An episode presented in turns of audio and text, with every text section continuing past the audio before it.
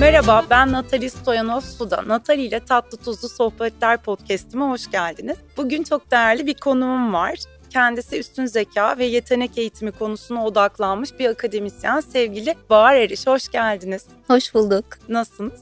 İyiyim, çok teşekkür ediyorum. Siz nasılsınız? Çok teşekkür ederim. İyi ki geldiniz. Bugün çok güzel şeyler konuşacağız. Hepimizin çok merak ettiği aslında en değerli varlıklarımız e, çocuklarımız ve aslında sadece çocuklara dair de değil hepimizin hayatına dokunacak olan çok değerli bilgileriniz var. İnşallah. Kitapları ben öncelikle bir göstermek istiyorum. Bunların pek çoğunu okudum ve hakikaten hepsi birbirinden değerli kitaplar tavsiye ederim. Muhakkak okuyun. Sevgili Bahar Hanım, kendi yolculuğunuzdan, e, akademik yolculuğunuzdan biraz bahseder misiniz? Kariyer yolculuğunuzdan. Nasıl gelişti her şey? Bir kitap okuyorum şu anda. Bir yazı yazıyorum onun için. Jose Saramago, Portekizli Nobel ödüllü yazar. Onunla ilgili bir yazı hazırladığım için kitaplarını okuyorum. Dün okuduğum bir kitabı Heykelden Taşa ve Nobel konuşması kitabını okuyordum. Orada bir cümle söylemiş çok hoşuma gitti. Diyor ki her şeyimi o çocuğa borçlu olduğumu düşünüyorum. Benim mimarım o olmuştur diyor kendi çocukluğu için. Bu beni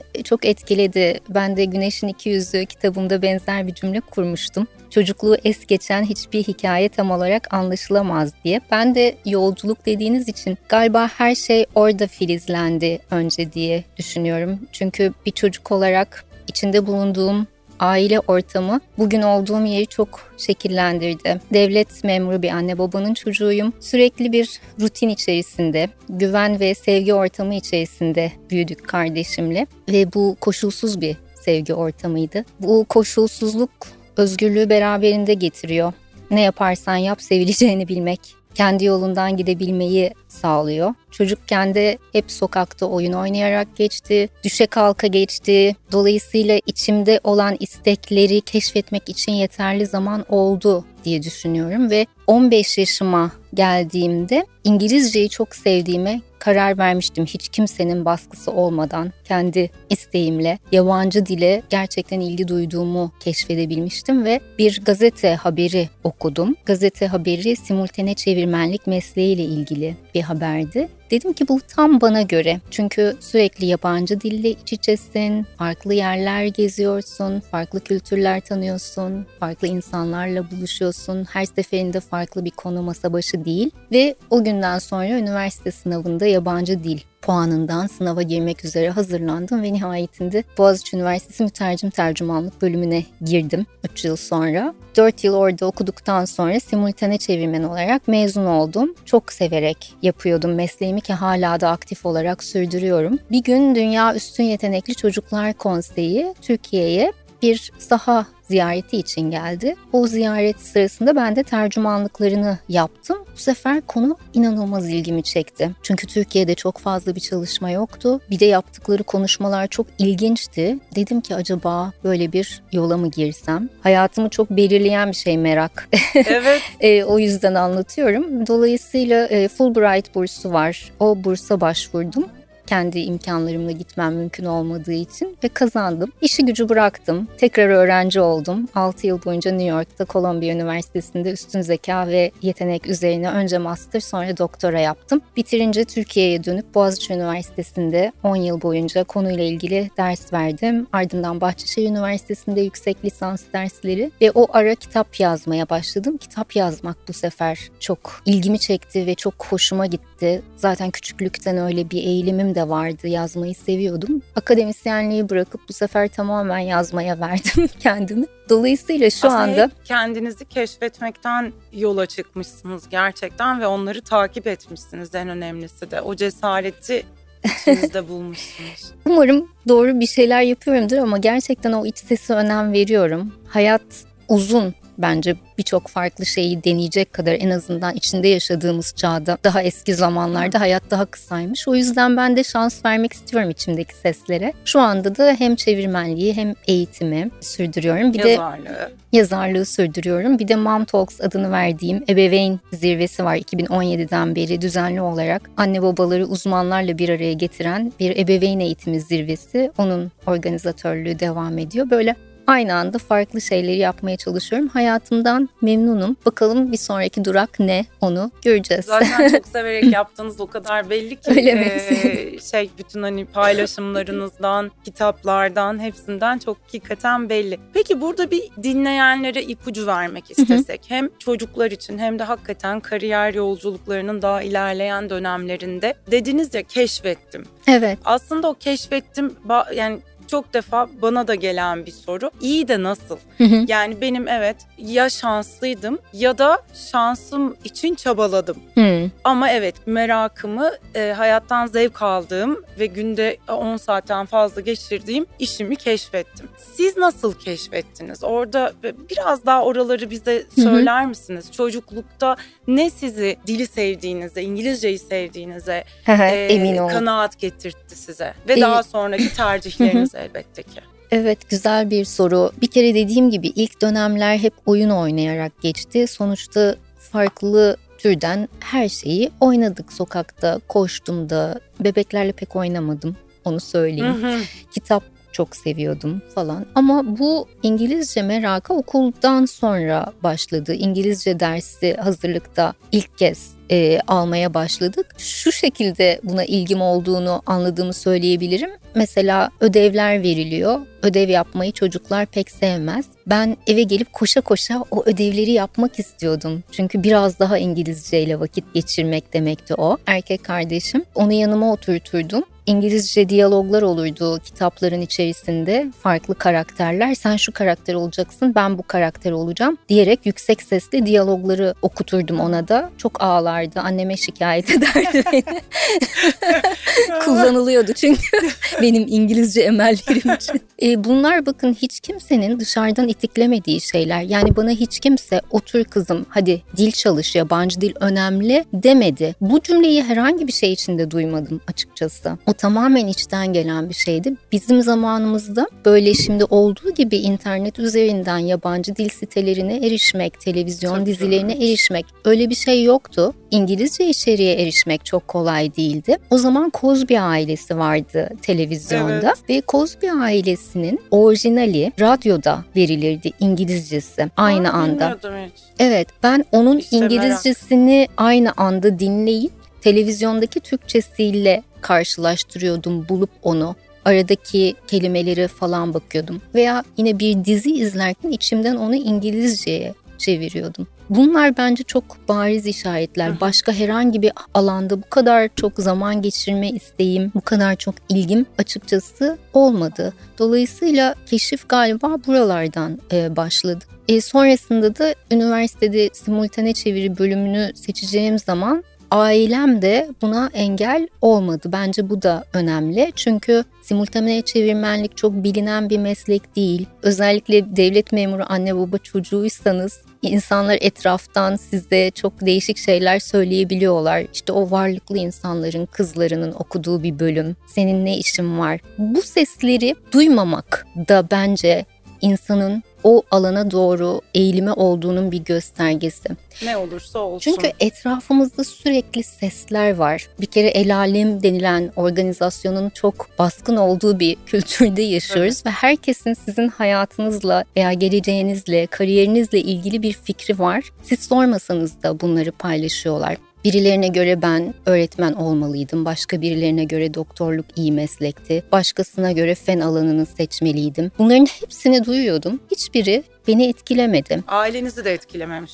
Ailemin de bana önerileri oldu. Şunu önemsiyorum. İnsanın anne babası mutlaka ki iyi niyetle bir takım tavsiyelerde bulunur. Ebeveynlerimiz sonuç olarak eğer ki bir ruhsal sorunları yoksa Tabii. iyiliğimizi isteyen insanlardır. Her zaman iyi niyetler iyi sonuçlanmayabilir. O ayrı mesele ama onları da dinlemenin önemli olduğuna inanıyorum. Annem babam beni bu yolda desteklediler. Fakat okurken de dediler ki bak kızım kolunda da bir bilezik olsun bir de öğretmenlik oku İngilizce öğretmenliği. Ben de tamam dedim ve İngilizce öğretmenliği bölümüne de devam ettim. Ha. Aynı şekilde.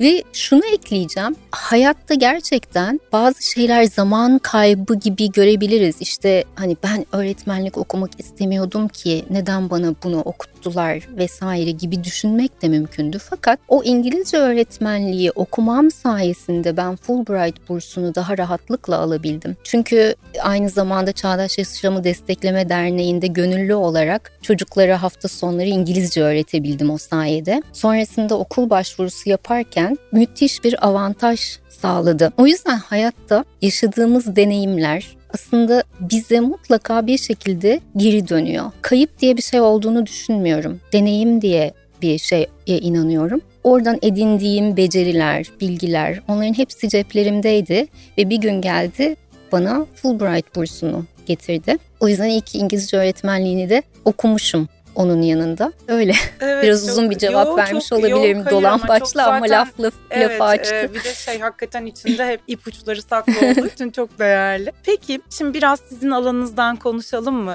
Zeka nedir? E, bir çocuğun üstün zekalı ve yetenekli olduğunu nasıl anlarız ve tabii doğru bir şekilde bunu nasıl yönlendiririz? Bu da soru da biraz uzun oldu şimdi ama evet. siz onu bölersiniz. Zekanın temelinde problem çözebilme ve uyum sağlama diye düşünüyorum. Az önce sizinle New York'tan söz etmiştik. Evet. New York'taki fare probleminden söz ettik. New York'ta dinleyenler de bilmiyorlarsa çok ciddi bir fare problemi vardır ve çok uzun yıllardır bu çözülemedi. Dolayısıyla Bununla ilgili yazılar bile yazılır. New Yorklu fareler New York'taki insanlardan daha zeki diye. Çünkü her getirilen tuzak karşısında farklı bir çözüm üretebilip yine hayatta kalmayı başarabiliyorlar. Zeka aslında yeni durumlar karşısında yeni çözümler getirip hayatta kalabilme becerisi en temelinde diye tanımlayabilirim. Üstün zeka tabii başka bir alan. Şöyle üstün zeka derken neden söz ediyoruz veya üstün potansiyelli çocuk derken neden kimden söz ediyoruz?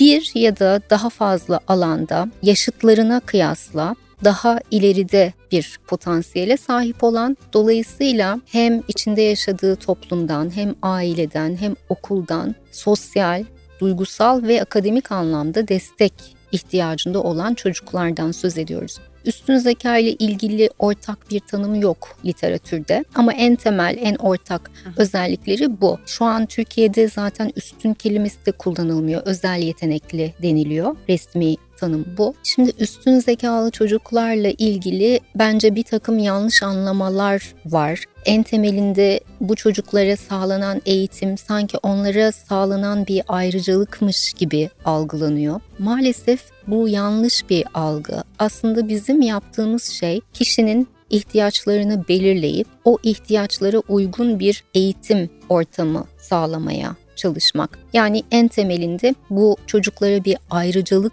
sağlamak veya ayrıcalıklı bir eğitim vermekten değil, ihtiyaç eşleştirmesi yapmaktan söz ediyoruz. Üstün zeka ile ilgili şu ıı, belki iyi bir benzetme olabilir. Yani tıpta nasıl hastalık yok hasta varsa eğitimde de doğru eğitim modeli yok. Çocuğa en uygun olan eğitim modeli var. Dolayısıyla üstün zekalı çocuklar hani ayrı bir yerde eğitim görsünler gibi bir durum da yok. O çocuğun ihtiyaçlarına göre farklı eğitim modelleri var uygulanan. Kimi çocuklar mesela ayrı bir okulda eğitim görürken bazı çocuklar aynı okulun içerisinde bir takım farklılaştırma yöntemleriyle eğitim alabiliyorlar. Bazı çocuklar okul sonrası zenginleştirme dediğimiz Bilsem dediğimiz bilim sanat merkezlerine devam ediyorlar. Yani en temelinde üstün zeka ile ilgili şu an ilk aklıma gelen bunlar oldu. Genelde üstün zekalı çocuk derken sayılan bir takım özellikler oluyor. İşte erken yaşta konuşma, erken fiziksel gelişim, çok zengin bir bilgi veya kelime dağarcığı, farklı fikirler arasında orijinal bağlantılar sorabilme, her şeyi sorgulama vesaire vesaire. Bu tarzdan işaretlere bakılabiliyor erken dönemde. İleri bir potansiyel olduğuna dair işaretler fakat bir çocuğun geç konuşması, geç yürümesi veya işte okulda başarılı olmaması vesaire bunlar üstün potansiyeli olmadığı anlamına gelmiyor. Başarıyla üstün zeka tamamen ayrı kavramlar zaten. Bir, bir kere bunun altını Onu çizmek zaten, lazım. Evet. Yani bunları şu an ilk tamam. etapta söyleyebilirim. Ee, ben sizin kitabınızda bir yeri not etmiş ve hatta onu da sonra kendi hayatımdan bir örneklemeyle paylaşım da yapmıştım. İnsanlara ilham olsun diye birazcık nasıl yönlenebileceğini, insanların hayatını nasıl etkileyebileceğini. Cümlede şuydu, eğitimde fırsat eşitliği herkese aynı eğitimi vermek değil, herkese potansiyelini gerçekleştirme şansını tanımak demektir. Benim de buna benzer ilkokuldan itibaren savaşım diyeyim aslında olmuştu. Hakikaten küçük bir çocuk için de zor bir şey. Çünkü işte ilkokulda dediler ki sen hani anneme babama dönüp hani bana da direkt söylemiyorlar tabii. İşte yapamazsın bu çocuk kolej sınavlarında. İşte kolej sınavlarına girdim çok böyle tedbirli yerler yazıldı potansiyelimin çok altında. Sonra ortaokula geldim. Bu çocuk bu okulda yapamaz alın dendi yine. Hani kararlı bir şekilde farklı yerlerden hep aileme bu bilgi geldi. Ve günün sonunda ben o okulu takdirle bitirdim. Hatta dereceyle bitirdim sanırım. Ve üniversite ve sonra da hani aile işimin başına geçtim bir şekilde. o badireleri atlattım ama hem orada benim bir duruşum varmış e, çocukken. Evet hem de ailemin bir duruşu varmış. Dolayısıyla aslında sizin bu sözünüz de beni hakikaten daha çok insanın bunu bilmesi lazım diye düşündüm. Çünkü hep bizde kültürümüzde neyi nasıl yapamayacağımız aslında evet. bize öğretiliyor ve bu aslında çok acı bir şey. Çok kalıpların içinde bakıyor, bakılıyor, bakılmak bu öğretiliyor. Hı hı. Maalesef hala böyle. Evet. Ee, o yüzden buralarda neler söylemek istersiniz bize? Birkaç şey söylemek istiyorum burada. Bir kere okul başarısı ve hayat başarısı iki ayrı şey. Altını çizmek lazım. Yani akademik başarı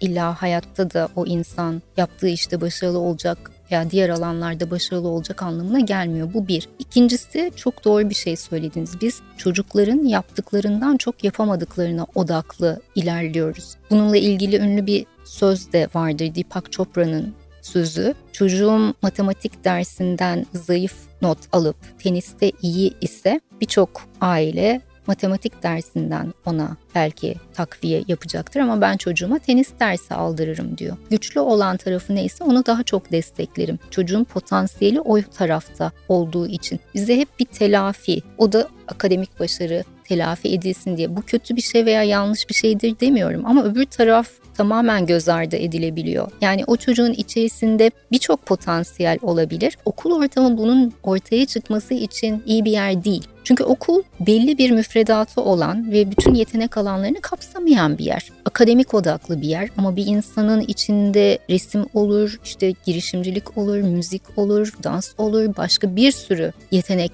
alanı söz konusu olabilir. Bunlar okulda ortaya çıkmıyor. Çıkmadığı gibi bir de diğer alanlarda yapamadığın için sen başarısız ilan ediliyorsun. Bu kelimenin benim için hiçbir anlamı yok. Yani bir insana başarısız demek veya başarılı demek bana hiçbir şey ifade etmiyor. Çünkü bu çok total bir tanım. Her insanın iyi yapabildiği şeyler de var, kötü yaptığı şeyler de var, daha iyi olduğu alanlar da var ve sen ona çok başarılı biri dediğin zaman aslında neyi kastediyorsun? Yani Natalie girişimcilik konusunda çok başarılı, mutfak konusunda çok başarılı, belki başka bir sürü alanda ama okulda matematiği yapamadığı için mi başarısız Natalie? Bu çok büyük bir haksızlık ve gerçekten çocukların içlerinde olanı dışarıya akıtmaması için sanki kurulmuş bir tuzak demeyeceğim ama çok o kadar sinsi bir şey olduğunu hmm. düşünmüyorum ama size şöyle bir hikaye anlatayım. Bir çocuğun hikayesi. Çok geç yaşta konuşuyor bu çocuk. Çok geç e, yürüyor. Okulda matematik formüllerini ezberleyemiyor. Gerçekten çok kötü bir öğrenci ve babası okula gelip öğretmeniyle konuşuyor. Sizce hangi meslek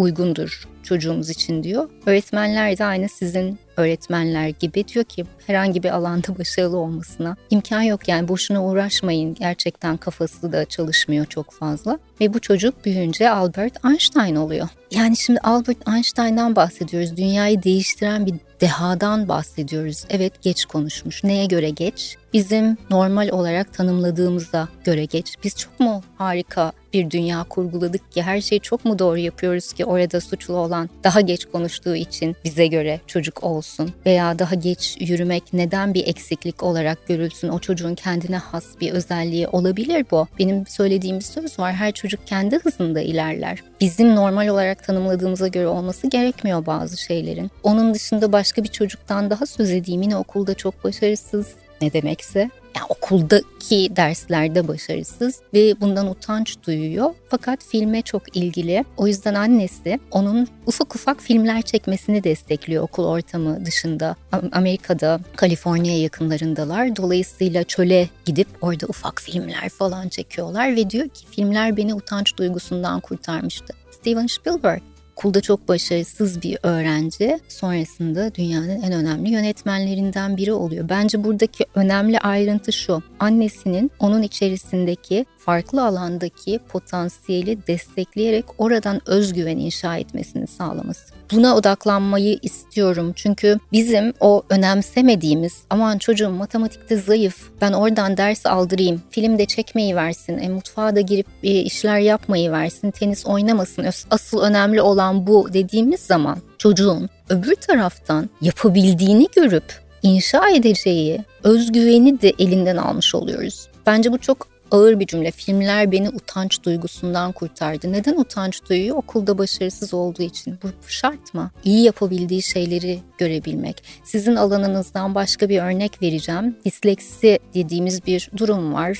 Okunmada zorlanan ve okulda genellikle başarılı olamayan ve anlaşılmayan çocuklar. Evet benim Gölgedeki Yıldızlar diye Onun bir kitabım için var. göstermek istedim. Hani Evet. merak edenler Ve için. biz bu çocukların hep Kitapta bahsediyor Bahar Hanım. Evet okuma güçlüğüne, okuldaki başarısızlıklarına odaklanılmış çocuklar bunlar. Çünkü anlaşılmıyor. Beyin farklı bir yapıda. Çok iyi girişimciler çıkıyor dislektik insanlardan. Çok farklı alanlarda başarılılar. Bir tanesi de Jamie Oliver, Naked Chef. O da böyle okulda yine anlaşılmayan özel eğitim sınıfına sınıftan alınıp götürülen bir çocuk. Bütün arkadaşları da çocuklar biliyorsunuz bazen acımasız olabiliyorlar. Onlar sınıftan alınırken arkalarından dalga geçip alay ediyorlar. O da ama mesela mutfak işlerinden özgüveni inşa ediyor okul dışında ve disleksiye de çok şey borçlu olduğunu düşünüyor. Ben o zorlukları yaşamasaydım bugün zorluklar karşısında bu kadar mücadeleci bir insan olmazdım diye düşünüyor. Bir taraftan belki olumlu yerden de bakmak lazım. O çocukken yaşadığımız haksızlıklar, olumsuzluklar tabii hangi çocukla buluştuğuna da bağlı. Hangi mizaçla buluştuğuna da bağlı. Kimi bunun karşısında gerçekten işe kapanıp hayata da küsebilir, yıkılabilir de ama güçlü bir karakterse bu zorluklardan çok şey öğrenip kendine bambaşka bir hayatta kurgulayabilir ki sizin hikayenizden ben biraz öyle bir Evet, şey o algıladım. böyle buraya ben de tam bağlamak istiyorum. Çünkü hakikaten işte okulda babam bana hep şey derdi. Arap atı gibisin derdi. Hep geç açılıyorsun. E, hakikaten ben böyle her çocuk mesela birinci dönem e, notları iyidir. ikinci dönem böyle biraz daha işte bahar gelir e, okulu e, serer falan. Ben anca adapte. E, evet hani şey ben anca adapte olup hani e, herhalde e, durumu kavradığım için benim ikinci dönem notlarım Hmm. İstisnasız daha iyi olurdu. Ve aslında mutfağa belki de hakikaten işte demin sizin söylediğiniz e, burayı da belirtmek istememin nedeni aslında şu soru için. Aslında çocukların içsel motivasyonunu içindekini keşfetmesine yardımcı olacak aslında ortam nedir sorusuna destekleyen bir şey olacağını düşünüyorum örneğin. Benim annem çok titiz bir kadındı. Buna rağmen tüm o titizliğine rağmen mutfağa benim işte orta bire gidiyordum. Orta birdeki bir e, çocuk işte 13 yaşında biri olarak 13-14 yaşlarındaki bir çocuk olarak e, mutfağa girmemi ve orada bin bir çeşit şey yapmamı Muhakkak ona göre kötü yaptığım ve iyi temizlemediğim şeyler vardı. Ama o titizliğini kenara koydu ve bana o ortamı sundu. Ve hakikaten hani okul hayatında daha henüz biraz başarılı olmaya başladığım dönemde büyük ihtimalle benim o egomu beslememe çok büyük katkı sağladı ve ben hiç unutmuyorum onlar akşam dışarı çıkarlardı. Ben evde kalır ve onların gitmesini dört gözle beklerdim ki mutfağa girip mutfakta bir şeyler yapayım diye. Çünkü annem varken rahat yapamazdım titiz olduğu He. için ve temizlerdim. Sonra yatardım. Onların da bütün her şeyi tezgahın üstüne koyardım. Yatakta gel- geldiklerinde beklerdim, uyumazdım.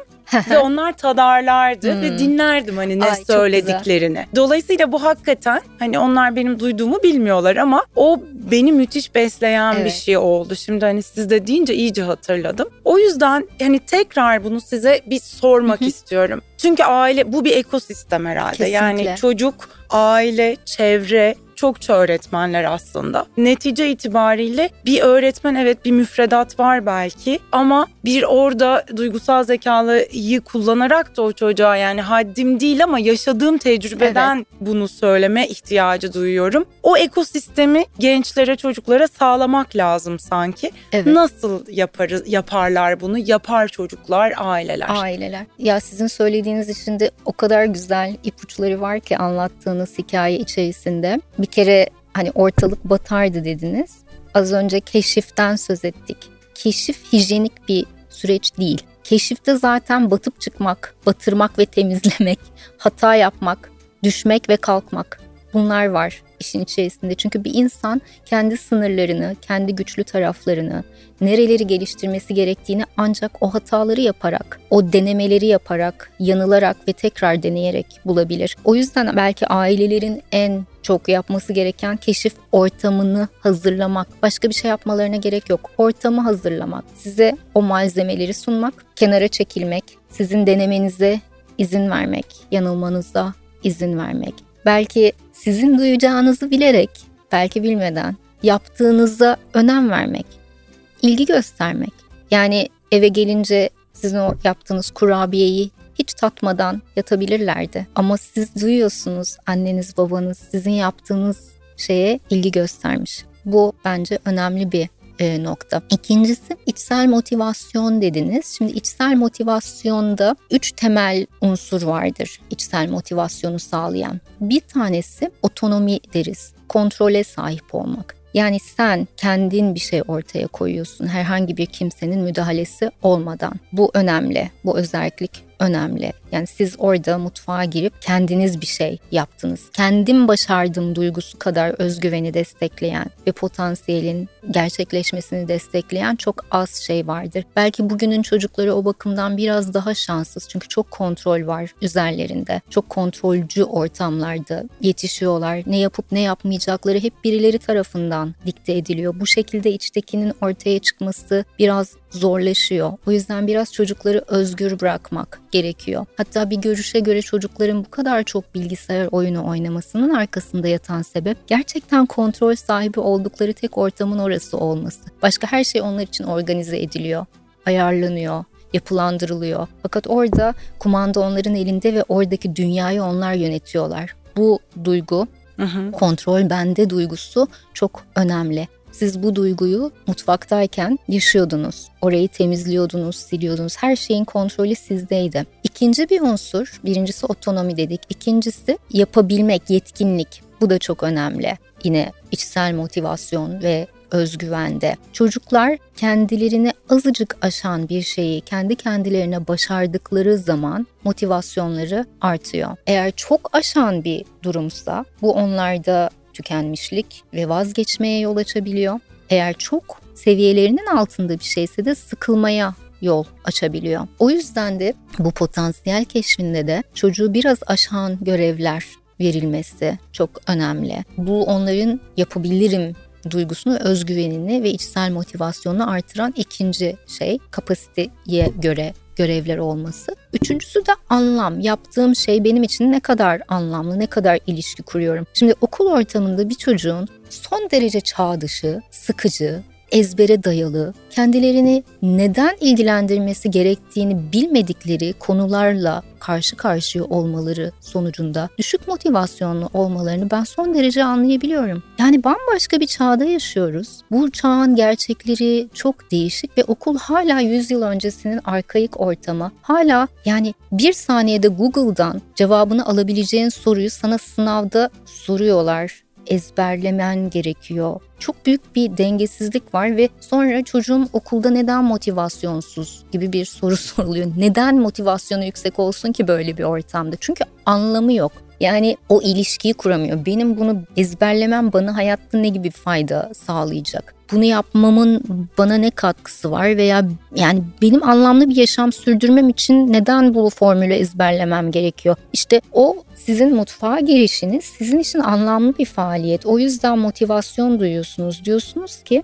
hmm, bir an önce işte mutfağa girmek, bir şeyler yapmak isterdim. Çok heyecanlanırdım eve gelir gelmez. Benim İngilizce Evet. Eve gelir gelmez çalışmak istemem gibi. Kimse sizi zorla mutfağa sokmadı. Kimse bana zorla İngilizce otur çalış demedi. İçimizden geldiği için bunu yaptık. Çünkü bizim için anlamlıydı. Büyük olasılıkla içimizdeki bir şeye bir yeteneğe denk geliyor bunlar. Şimdi bir e, şey de aklıma geçti. Benim de iki kızım olduğu için ve dediniz ya siz de etrafta çok aslında her şey söyleniyor onlara. Zamanları çok programlı. Yani biz ebeveynler olarak bunu böyle yapmasak da netice itibariyle her şey çok kalıpların içinde. Yani hep başından beri söylüyorsunuz. Biz çocukken işte bahçede oynuyor. Biz bizim ekosistemimiz daha farklıydı. Evet. Şimdi bu çocukların içinde bulundukları ortam daha farklı. Burada nasıl keşfedecekler? Yani bu, bu dönem bu yapacak bir şey yok aslında. Hakikaten orada bir ipucu var mı herkes için? Bir kere zaten keşif süreci hayat boyu devam eden bir süreç. Bunun Tabii. altını çizmek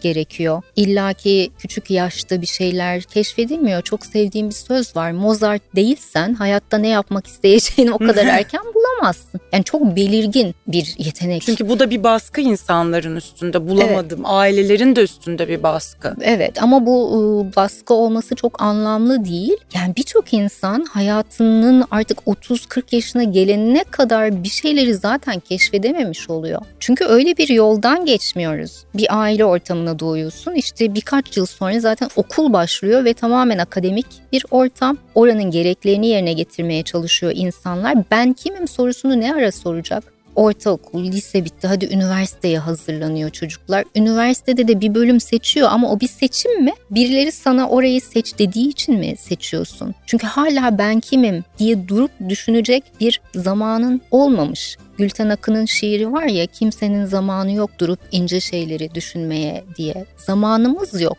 Her şey bir hız içerisinde, telaş içerisinde oraya da girsin, şu sınava da, bu kursa da gitsin, bunu da yapsın. Çünkü geleceğe hazırlıyorum çocuğumu. Ve çocuklar üniversiteden mezun olduklarında hala kim olduklarını bilmiyorlar. Her yöne gidebilirler. Öyle bir kitap vardı yani kök hücre gibiler diyor.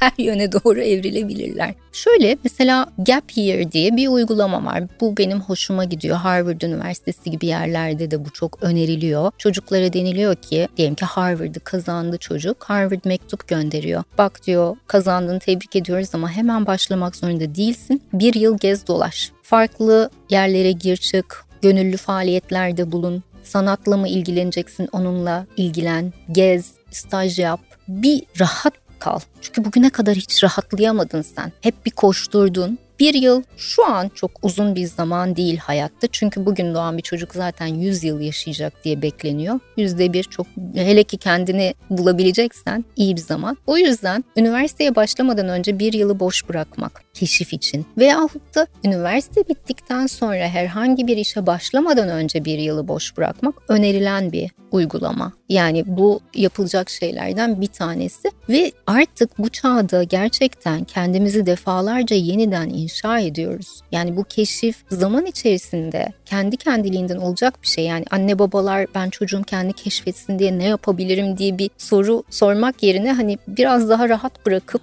kendi yolunu bulacak bu nasılsa. Biraz tökezlesin, kalksın, denesin, yanılsın. O kadar da müdahaleci olmasın. Olmasın. Evet. Hmm, bir de ben bir huni gibi düşünüyorum aslında bunu. İlk yıllar biraz daha geniş deneyimlerin yaşandığı yani illa tek bir yöne girmen gereken yıllar değil. Çok farklı alanlarda deneyimler yaşayıp zaman içerisinde artık o bir yöne doğru kendi kendine evrilmeye başlıyor. Bırakın denesinler farklı alanlara girip aha, çıksınlar. Aha. Oğuz yavaş yavaş yavaş bir yere doğru evrilmeye başlayacak ve daha önce de söylediğim gibi aslında ceplerine koydukları hiçbir şey boşa gitmeyecek. Mesela işte Steve Jobs'u düşünüyorum. Üniversitede çok kötü öğrenci. Sonrasında işte dersleri falan bırakıp kaligrafi dersi alıyor. Hiç kendi alanıyla alakası olmayan bir anne babanın kabusu. Ne olacak bu oğlanın hali?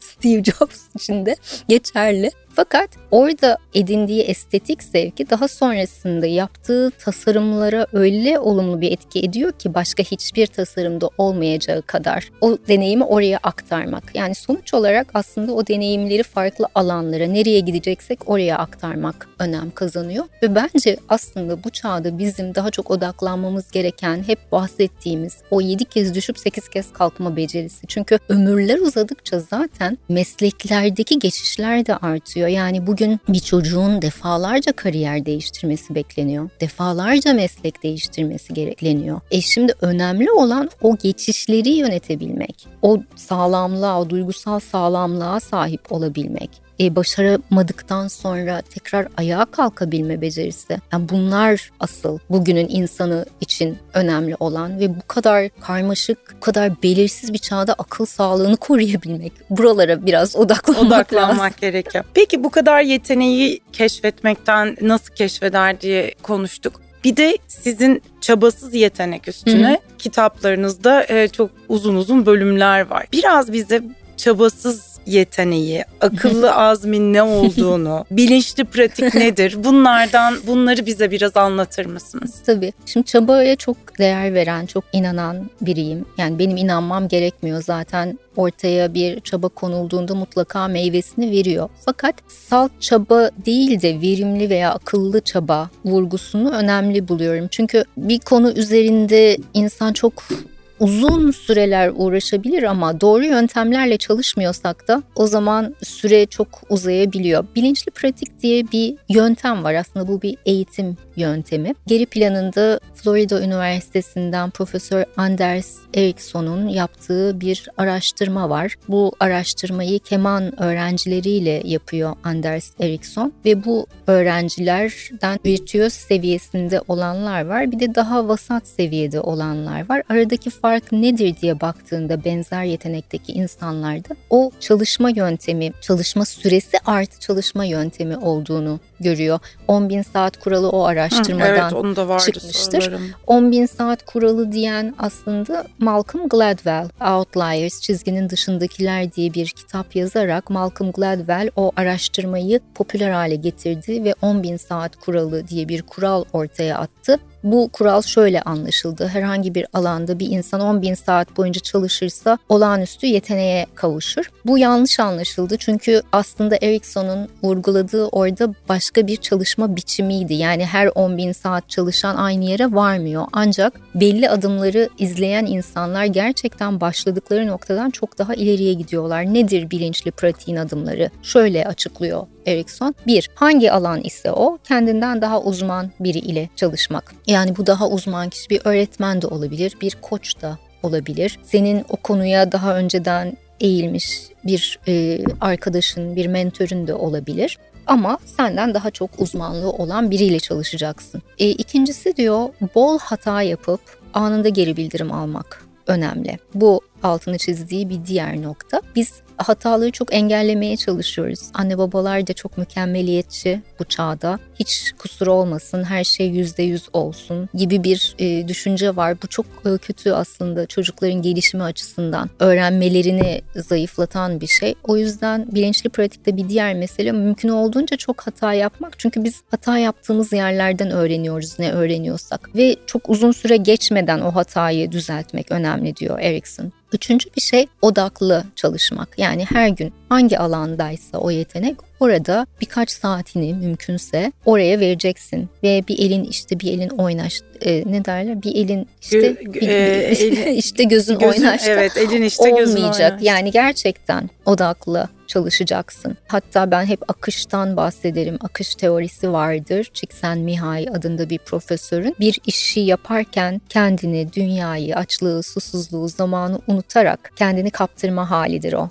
Mesela yetenek keşfinde bu da çok önemli bir Aha. diğer noktadır. Çocuklar ne zaman bunu yaşıyorlar? Siz mutfaktayken belki yaşıyordunuz. O akış haline girip çalışmak. Çünkü orada gerçekten odaklı bir çalışma meydana geliyor ve ortaya çıkan sonuçlar çok daha e, güzel sonuçlar oluyor. Bir diğer mesele şu hataları samimi bir biçimde değerlendirme. Daha doğrusu kendini samimi bir biçimde değerlendirmek önemli diyor Erikson. Bilinçli pratiğin bir diğer adımı bu. Yanlış övgüye kulakları tıkayabilmek çok önemli bir beceri. Çok zor. Hepimiz övülmekten hoşlanıyoruz. Ama bazen de eleştiriye açık olabilmek bizi çok daha ileri bir noktaya taşıyor. Ben bu açıdan da bugün biraz çocukların kırılgan hale geldiğini düşünüyorum. Çok eleştiriye alışık veya açık olmuyorlar. Sanki çocuğum incinmesin düşüncesi hı hı. içerisinde sonra hayatın gerçekleriyle karşı karşıya kaldıklarında bir iş ortamında mesela kendilerine geri bildirim verildiğinde bu olmamış denildiğinde bunu şahıslarına bir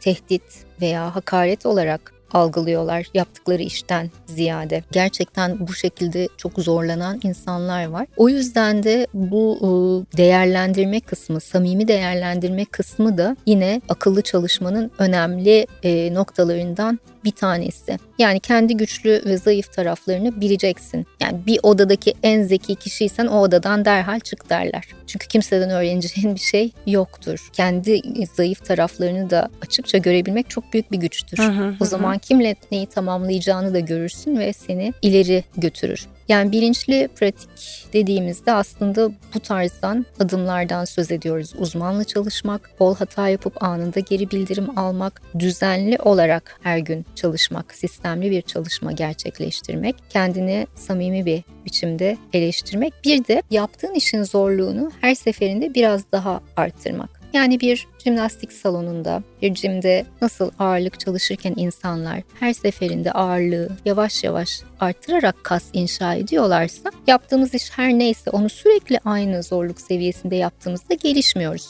O yüzden biraz kendimizi e, her seferinde meydan okumak, biraz daha Hedef zorunu koymak. denemek Biraz evet. daha hedefli gitmek belki. Evet, zorunu daha denemek. Zorluklarla olan ilişkimizi gözden geçirmek. Zorlukla karşılaştığımız zaman ne yapıyoruz? Mükemmel imajımız sarsılacağı için geri adım mı atıyoruz? Yoksa bu zorluk beni geliştirecek bir şey. Hani burada yere de düşebilirim, başarısız da olabilirim ama yeni bir şey deniyorum ve buradan çok daha iyi bir yere gidebilirim diyebilmek. Yani zorluğu kucaklama zihniyeti gelişim odaklı zihniyette işin çok önemli bir Şimdi boyutu. Şimdi çocuklardaki herhalde en büyük sorunlardan bir tanesi de bu değil mi? Yani zorluklar karşısında aslında başarısızlığa, başarısızlıkla yüzleşmemek için evet. hiç hani tırnak içinde o topa girmiyorlar. Girmiyorlar. Çok doğru. Ve orada da aslında hep çekimser kalıyorlar. Aslında kendi potansiyellerinde ve kendilerini gerçekleştirme fırsatını da bir noktada tepiyorlar aslında. Çok güzel ifade ettiniz. Yani bunun üstüne ne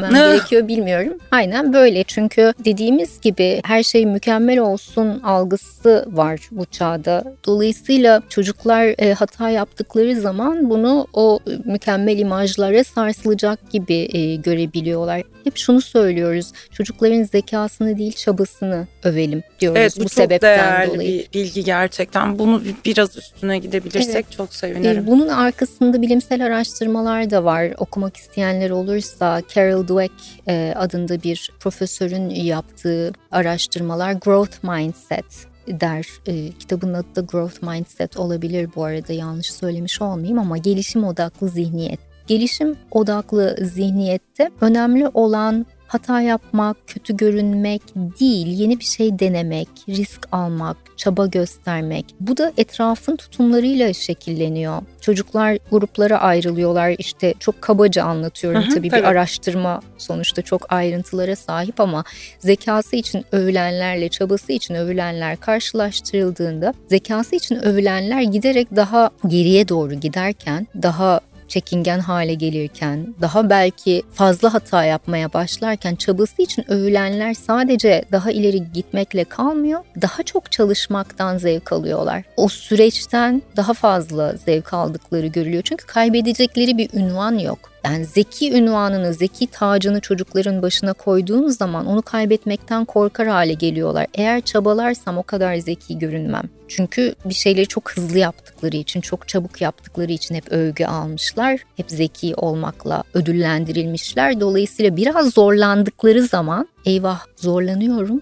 Acaba ben zeki değil miyim? Hı hı veya işte zorlanıyorum acaba onlar benim artık zeki olmadığımı mı düşünecekler deyip toptan vazgeçebiliyorlar. Hı hı. Yani Ki biraz bu... aslında sürece odaklanıp hani ailelerinde çocukların da kendine dönük olarak baktıklarında sürece odaklanıp elinden geleni yapması ve sonucun ne olduğundan belki bir noktada biraz da bağımsız bu süreci yaşaması çok değerli oluyor. Çünkü dediniz ya siz de aslında o süreci yaşarken cebinize bir şeyler dolduruyorsunuz. Ve sonra o cebinize doldurduklarınızın ne zaman hayatınızın hangi aşamasında sizin karşınıza fayda olarak çıkacağını bilmeden bunları biriktiriyorsunuz. Evet. O yüzden süreci biraz yaşamaya insan çocukların da bireylerin de yetişkinlerin de kendine belki fırsat vermesi lazım. Evet kesinlikle öyle. Bence burada bir diğer önemli nokta kendi davranışlarımıza da bakmak, kendi e, yetenek alanlarımızı da görmek Hı-hı. anne babalar olarak. Çocuklar da bizi ne yaparken görüyorlar? Yeni bir şey deniyor muyuz? Hata yapıyor muyuz? Hatalara nasıl tepki veriyoruz? Yeni bir şeyler, yeni bir beceri edinmeye çalışıyor muyuz? Ben bunu geçen bir programda yine anlattım. Arkadaşımın babası piyano öğrenmeye başladı belli bir yaştan sonra. Sırf çocukları onu ne kadar zorlandığını görsünler diye ama sebat ediyor zorlandıkça çalışmaya devam ediyor. E bu modeli görmek de etkili. Yani çocuklar sebat konusunda sizden ne görüyorlar Hı-hı. anne baba olarak veya risk alma konusunda, hata yapma konusunda buna da bakmak gerekiyor. Örnek olmak. Yani örnek olmak şekilde. önemli. Çünkü çocuklar daha çok gördükleriyle öğreniyorlar. Onlara verdiğimiz öğütler o kadar da etkili olmuyor. Ne gördükleri çok daha etkili oluyor. Peki çok teşekkür ediyorum. Davetimi kabul ettiniz, geldiniz. Çok ben değerli bilgiler paylaştınız. Için. Biz Bahar Hanım'la bu podcast'te çok güzel bilgiler paylaştı bizimle. Çok güzel sohbet ettik ama eğer okumak isterseniz daha pek çok bilgi var. Lütfen kitapları deneyimleyin ve bunların içinde yolculuk yapın. Çünkü hakikaten her biri birbirinden değerli. Hem çocuklarımız için hem kendimiz birey olarak kendimizi geliştirme fırsatı bulacağımız çok faydalı bilgilerle bu kitaplarda buluşacağız. Bir podcast'imizin sonuna daha geldik. Bir sonrakinde görüşmek dileğiyle. Hoşçakalın.